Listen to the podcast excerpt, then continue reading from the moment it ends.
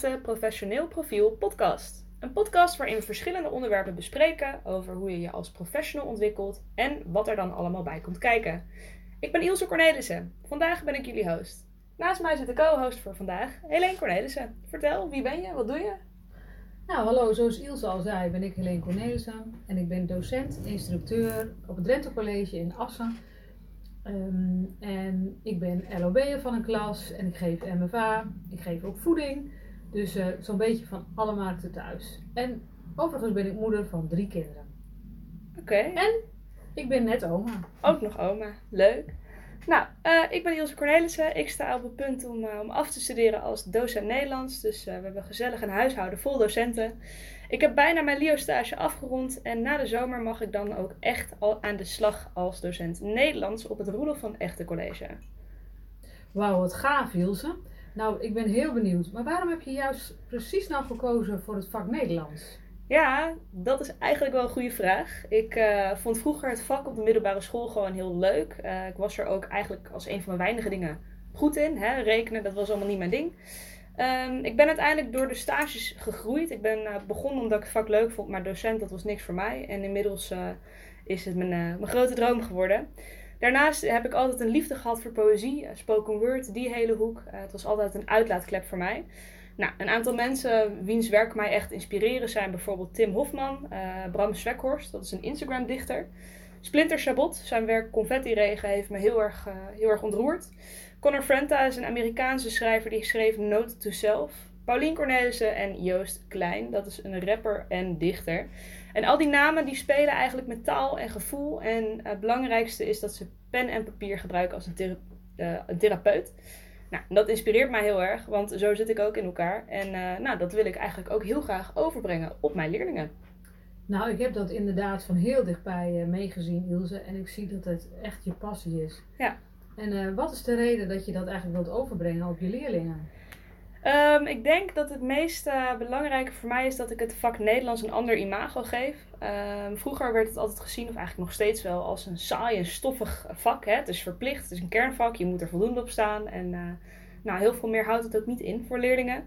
Terwijl het eigenlijk zoveel mooie kanten heeft die ook echt iets voor je kunnen, kunnen betekenen. Um, nou, ik ben heel erg fan van Bista. Hij uh, beschrijft socialisatie, kwalificatie en subjectificatie.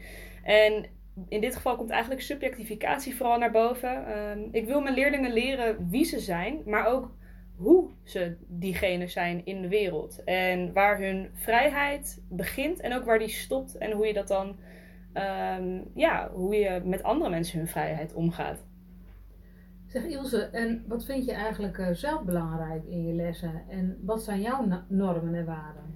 Um, er zijn drie kernwaarden die ik heel belangrijk vind. Uh, die heb ik echt van mijn vader meegekregen. Dat zijn, uh, ik kan er niet tegen als je tegen me liegt. Uh, als je mensen om wie ik geef onrecht aandoet. Of als je mij onrecht aando aandoet. En dat zijn ook echt wel de regels geworden waarnaar ik leef. Die hou ik ook aan in mijn klas. En daar hangen ook normen en waarden aan vast. ik krijg heel veel waarde aan respect en aan gelijkwaardigheid, eerlijkheid, behulpzaamheid.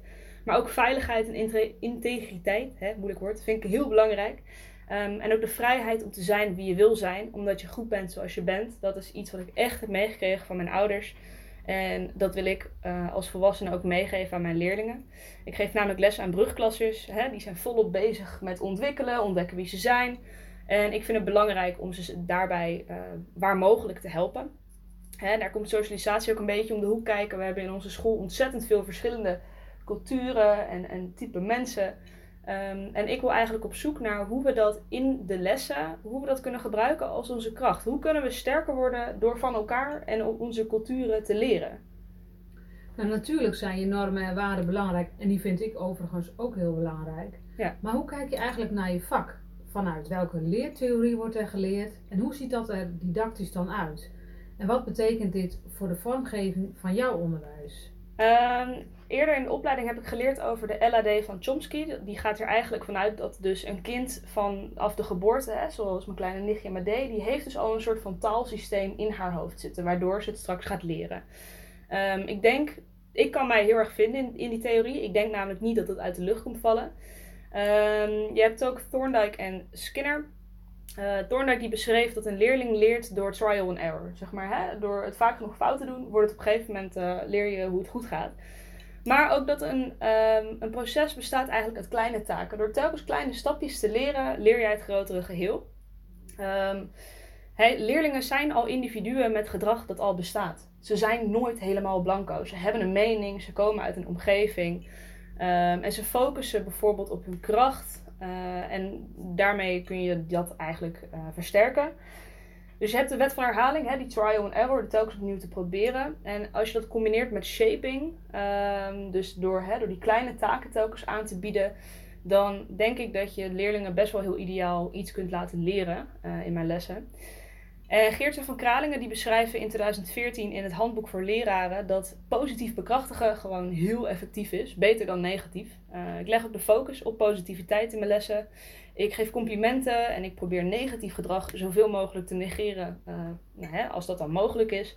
Maar ik kom ook wel met een beetje een vervelende maatregel. Uh, mocht het niet mogelijk zijn om het gedrag te negeren, omdat een leerling dan ook na één of twee keer doorheeft dat het hem alleen maar meer tijd en moeite kost. En dat het dus loont om gewenst gedrag te vertonen. Uh, voorbeeldje is, stel er komt een leerling te laat in de les. We zijn al een goed kwartiertje bezig. Um, en die leerling komt binnen. Dan zeg ik, nou, hè, fijn dat je er bent. Ga lekker zitten.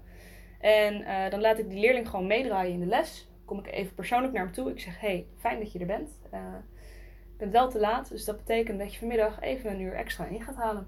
Dus het kost hem alleen maar meer tijd door niet te doen wat hij moet doen. Nee, oké. Nou, je hebt dus wel heel helder in kaart hoe je je onderwijs vormgeeft vanuit een bepaalde leertheorie. Maar wat wil je nou eigenlijk bereiken met je onderwijs? Ja, um, onderwijs is voor mij uh, echt wat me raakt. En dat is wat voor moois er kan ontstaan tussen docenten en leerlingen. Jij hebt het ook ongetwijfeld meegemaakt met jouw leerlingen en klassen, denk Klopt. ik. Ja. Ja. En die band die je samenvormt is iets heel bijzonders. Dat kan ook niet iedereen, denk ik. Um, je helpt die leerlingen. Met jouw lessen bied je een stukje solide toekomst. Dat heb jij ook altijd gezegd, toch? Ja. Ja, jij wil die leerlingen eh, die toekomst bieden. Um, en een, dat, wat mij daarvoor inspireerde was een TED-talk. Dat was mevrouw Rita Pearson. Um, en zij benoemt dus dat ieder kind een kampioen nodig heeft. En dat is wat ik wil zijn voor die leerlingen. Hè? Als leerlingen dan later terugkijken, dat ze denken: oh, ik heb zoveel gehad aan de lessen van mevrouw Cornelissen. Um, nou, ik heb dit jaar wel geleerd dat je niet met iedere leerling een hele goede band kan ontwikkelen. Maar ik wil in ieder geval staan voor het bieden van goed onderwijs, een veilige omgeving waar je kan zijn wie je wil zijn en een solide toekomst. Uh, daarnaast beschreef ik net al, hè, ik wil Nederlands um, tentoonstellen als een vak wat heel leuk kan zijn. Het kent superveel leuke kanten, zoals poëzie, uh, taalbeleid. En ik probeer leerlingen daarbij ook te laten ontdekken wie ze zijn, um, hoe ze in de wereld staan. En ook welke vrijheid ze hebben en waar die stopt of misschien zelfs conflicteert met die van een ander. Um, daarom zijn de drie doeldomeinen van BISTA heel interessant. Um, tuurlijk is kwalificatie van belang, het verwerven van kennis, vaardigheden, is de belangrijke, misschien wel belangrijkste basis van het onderwijs. Uh, alles wat we op school doen, ik weet niet hoe het bij jou is, maar bij ons is alles op het oog van kwalificatie. Alles wordt gebaseerd op cijfers, PTA's, toetsweken. Hè? Je moet ergens aan voldoen, aan een bepaald, uh, aan een bepaald bepaalde eis. En ik denk dat er zoveel meer komt kijken um, bij onderwijs. Hè? Er komen heel veel verschillende culturen bij elkaar. En uh, tradities komen samen, of die staan soms misschien ook wel tegenover elkaar. Uh, jij zit op een school waar heel veel verschillende culturen bij elkaar komen. Heb je dat dus ervaren op die manier? Dat die culturen misschien wel nou, recht tegenover elkaar staan? Ja, omdat uh, juist door de taal uh, is dat al de barrière, omdat je elkaar niet uh, altijd begrijpt. Ja, en ja. moeten ze soms een woordenboek erbij hebben om, om op te zoeken wat je nou eigenlijk zegt. Ja, of ja. wat ze eigenlijk willen zeggen. Nou, dat is zo ontzettend lastig in communicatie. En je kunt veel met handen en voeten, maar bepaalde dingen kun je echt niet overbrengen dan, nee, dan nee. alleen maar door taal. Ja, dus het is echt belangrijk om ook de rest daarin mee te nemen, denk ik. Um, ik denk dat wij, uh, wij moeten helpen om om te kunnen gaan met die verschillen en daar ook respect voor te hebben. Hè? Ieder heeft zijn eigen uh, cultuur en uh, tradities. En ik denk dat we daarbij op zoek moeten gaan naar verbindende factoren. waarin denken wij hetzelfde of hebben wij misschien hetzelfde idealen. Um, bij het Roelen van Echte College zijn we nu bijvoorbeeld bezig om burgersch burgerschap te integreren. niet per se als vak, omdat wij vinden dat het. Um, geen vaardigheid is, maar het is een doorlopende leerlijn. Dus we willen bij ieder uh, vak eigenlijk integreren. Dus kunst, wiskunde, Nederlands, uh, you name it. En uh, het is een doorlopende leerlijn waar leerlingen in kunnen groeien. Um, binnen mijn vak ben ik daar ook mee bezig. Ik leg daarbij de focus op sub subjectificatie. aan de hand van stellingen of bijvoorbeeld gedichten gaan we op zoek. Hè, waar ligt onze vrijheid? Waar eindigt die? En hoe moet ik daar dan mee omgaan? Want als jij wat anders vindt, dan kan ik daar wat anders van vinden. Maar ik mag jou dan, ik moet je in je waarde laten eigenlijk. Um, en de bouwstenen van curriculum.nu zijn daarbij heel interessant, denk ik. Um, ik vind namelijk een kritische houding tegenover informatie of ook wel digitale informatie belangrijk. je krijgt inmiddels zoveel um, prikkels op, op media, weet je wel. Hè? Daar moet je kritisch tegenover kunnen staan. Wat is waar, wat is niet waar. Bijvoorbeeld de hele coronacrisis. Hoe onderscheid je wat is echt nieuws, wat is nepnieuws? Uh, maar ik denk ook dat het belangrijk is dat je in interactie, dus bijvoorbeeld in een dialoog, dat je ideeën, meningen uh, en oplossingen kan verwoorden, maar dat je ze ook kan onderbouwen. Dus als jij zegt ik vind X, Y, Z, dan kan ik er tegen ingaan en dat kan ik ook met een mening onderbouwen. Um, en ik vind het heel belangrijk dat mijn leerlingen op een creatieve wijze hun uiting weten te geven aan ideeën, gevoelens, gedachten. En dat kan zijn in een gedicht, dat kan zijn in een brief, in een tekening, in een rap. Maar ik probeer daarin uh, mijn leerlingen een bepaalde vrijheid te bieden. Het is natuurlijk wel zo dat het huidige onderwijs wel heel erg uh, effectief is ingericht. En de focus ligt hierbij op de PTA's, toetsen en leerdoelen. Maar als je nou kijkt naar jezelf en naar je eigen passie en je eigen ideeën, ja. Hoe zou dan jouw vak er ideaal gezien uit kunnen zien? Um, laat ik beginnen met iets wat ik dit jaar heb ervaren. Laten we minder toetsen. Um, daar zitten haken en ogen aan, want hè, hoe evalueer je voortgang dan? Maar we hebben dit jaar meegemaakt. We konden lang niet zoveel toetsen en we hebben nog steeds een goed beeld van onze leerlingen. Uh, we hebben een goed volgsysteem op school via onze methode LearnBeat. Um, maar ik denk dat een vak zoveel meer is dan uh, het werkwoordelijk gezegde leesstrategieën. En ik denk dat we veel meer uit ons vak kunnen halen door niet alleen de focus te leggen op kwalificatie, maar ook echt op de socialisatie en die subjectificatie. Eigenlijk wat jij net zei, niet alleen die taal en dat woordenboek, maar ook elkaar kunnen begrijpen. Ja, maar uh, hoe zou je dat dan doen? Um, ik denk door bijvoorbeeld zaken als taalbeleid, burgerschap, poëzie en ook mediawijsheid in te voeren. Uh, ik denk dat dat dingen zijn die heel erg uh, van het nu zijn. En ik denk ook door meer dialoog te integreren. Alles is nu heel individueel, maar laten we bijvoorbeeld met een casus of een rollenspel met elkaar in gesprek gaan. Um, en we zijn dus bezig met die doorlopende leerlijn van burgerschap. Um, en dat willen we in de brugklas op een klein niveau doen. Hè? Dus bijvoorbeeld een ballondebat of een kleine stelling. En dat bouwen we dan op naar de bovenbouw, zoals zaken als het Lagerland of het MAP en echt een groot uh, officieel debat. Um, ik vind het ook belangrijk om rijke gesprekken en discussies te hebben. Dus daar heb je onderlinge verschillen, maar ook je mening, je vrijheid. Um, want ik denk dat we al die zaken aan onze kerndoelen kunnen koppelen.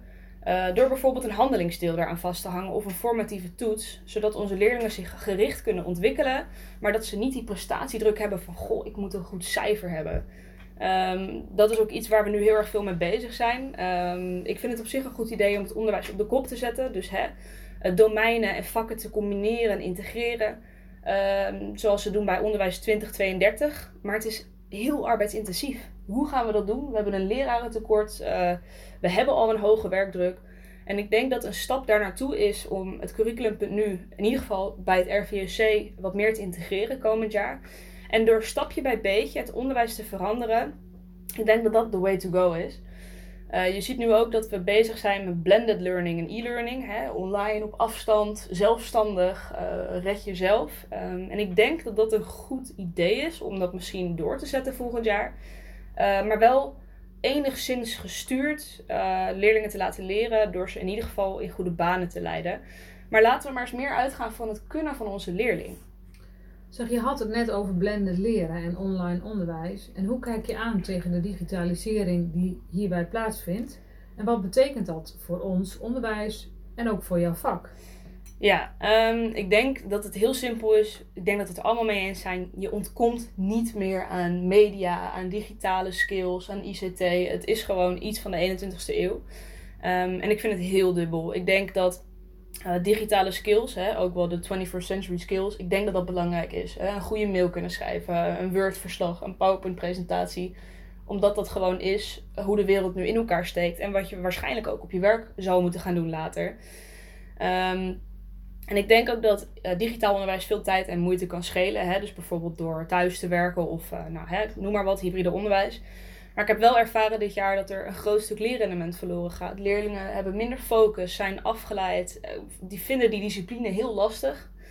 Um, het is ook niet echt heel ideaal voor schrijfonderwijs. Hè? Het type heeft, is, dat is bewezen, het heeft gewoon niet heel veel effectiviteit meer. Um, maar wat ik zeg, bijvoorbeeld uh, PowerPoint, Word, uh, goede mail kunnen schrijven, sollicitatiebrief. Um, maar ook de studievoortgang zoals in LearnMe bijhouden, is ideaal. Ik kan nu, ondanks de hele coronacrisis, precies zien welke leerling waar staat. En dat is wel echt iets um, waar ik heel blij mee ben. Dus ik denk idealiter dat we een mix moeten maken. De basis, hè, de basisdomeinen, denk ik gewoon lekker houden zoals het is. En dingen zoals die 21ste eeuwse vaardigheden en uh, de studievoortgang, dat we dat best wel digitaal kunnen maken. Zeg, onderwijs uh, verandert uh, veel. Het is ja. heel dynamisch. Klopt. Kijk je wel eens verder buiten Nederland? Ik zal je heel eerlijk vertellen, dat heb ik voor mijn professioneel profiel eigenlijk niet gedaan. Daar was ik heel stellig in. Um, ik dacht, ja, ik geef Nederlands. Wat moet ik met onderwijs in, weet ik veel, Singapore, Vietnam, dat maakt mij niet zoveel uit. Um, inmiddels heb ik wel gezien dat dat toch wel uh, iets anders ligt. Is het denk je van belang? Is er een land dat je inspireert? Of wat zou je meenemen of zelfs over willen nemen? Nou, ik ben uh, toch maar eens gaan rondkijken. Um, omdat iedereen doet nu echt zijn eigen ding. Hè? Nederland doet Nederland, Duitsland doet Duitsland. We delen voor mijn gevoel weinig. Um, terwijl het eigenlijk heel waardevol kan zijn als we meer delen. bijvoorbeeld het onderwijs in Zweden heb ik even naar gekeken. En dat inspireert me, want de focus ligt er veel minder op, uh, op prestaties. Het is overigens in uh, Zweden is het ook gratis, dus dat is voor veel leerlingen misschien ook fijn hè, om niet die drempel van financiën en prestatie te hebben. Uh, er wordt vaak gewerkt met het kunstkapskola-model, dat is een heel leuk woord voor galgje. het, het wordt steeds meer opgepakt in Nederland, want er wordt heel erg uitgegaan van het idee dat iedere leerling op zijn eigen manier en het eigen tempo leert. Uh, dus ze werken aan eigen persoonlijke leerdoelen. Die hebben ze samen met een coach opgesteld.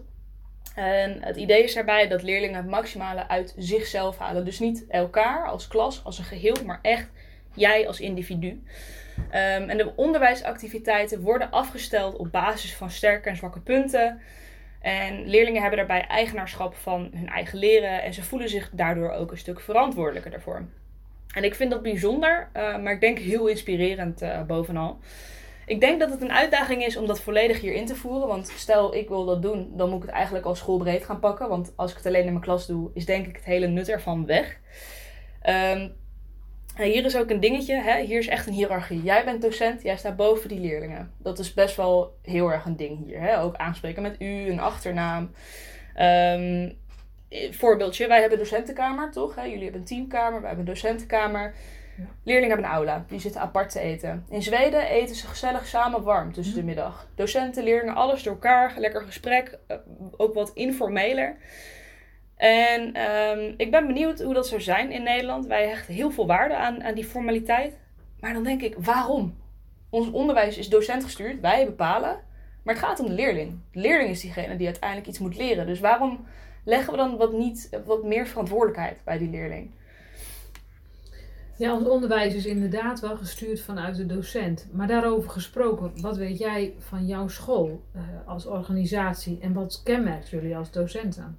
Um, onze school, hè, het van Echten, die uh, wil iedereen een mogelijkheid tot ontwikkeling bieden. Uh, dat doen ze onder andere door samen te werken met organisaties als Ambiek, Kentalis, Ren4. Nou, eigenlijk een hele lijst met, met externe mm -hmm. organisaties.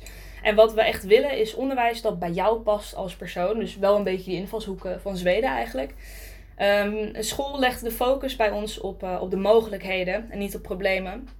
Ze hebben dan ook het motto samen waar het kan, apart als het moet. En daarbij gaan ze uit van um, eigenlijk positiviteit. Dus niet, oh je bent apart of je bent uh, anders dan de rest. Maar juist, hey, jij hebt uh, een andere skill dan de rest of een andere behoefte. Laten we je daarmee helpen. Um, verschillende locaties werken dus samen met partners om eigenlijk te werken aan maximale opbrengsten en persoonsvorming voor onze leerlingen.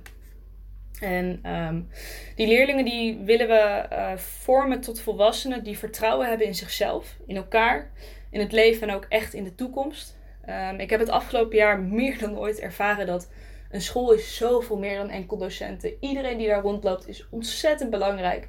Van de conciërges tot aan persoons, uh, personeelszaken, uh, de roostermakers. Samen maken wij dat onderwijs. Dat doet niet alleen de docent, dat doet niet alleen de conrector. Um, en bij ons is iedereen ontzettend flexibel, creatief.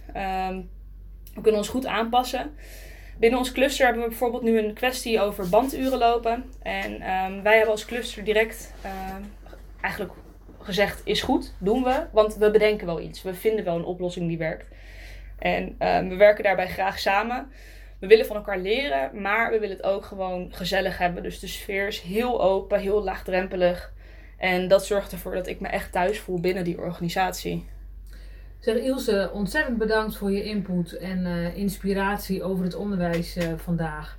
Ik denk dat we een aantal hele interessante onderwerpen hebben aangestipt, waar Nederland nog lang niet over is uitgepraat. En um, nou, ik dacht misschien even als tip, misschien is Wordfeut nog iets voor, uh, voor jullie studenten om, ja. om goed te leren woorden te spellen. Ja, tof. Um, en er was nog iets wat ik nou nog had bedacht. Wat was het nou nog maar weer? nou, ik kan er zo even niet opkomen. Uh... Nou, dan bespreken we dat maar de volgende keer, denk ik. Ja. Dan uh, zijn we hierbij tot het einde gekomen van de eerste Professioneel Profiel podcast. En uh, we bedanken jullie allebei heel erg voor het luisteren. En tot volgende keer. En nog een hele fijne ochtend, middag of avond, afhankelijk van wanneer je dit luistert. Oké, okay, hartstikke leuk. Nou, tof. Tot volgende keer. Tot ziens. Doei. Tot volgende keer. Dag Ilse.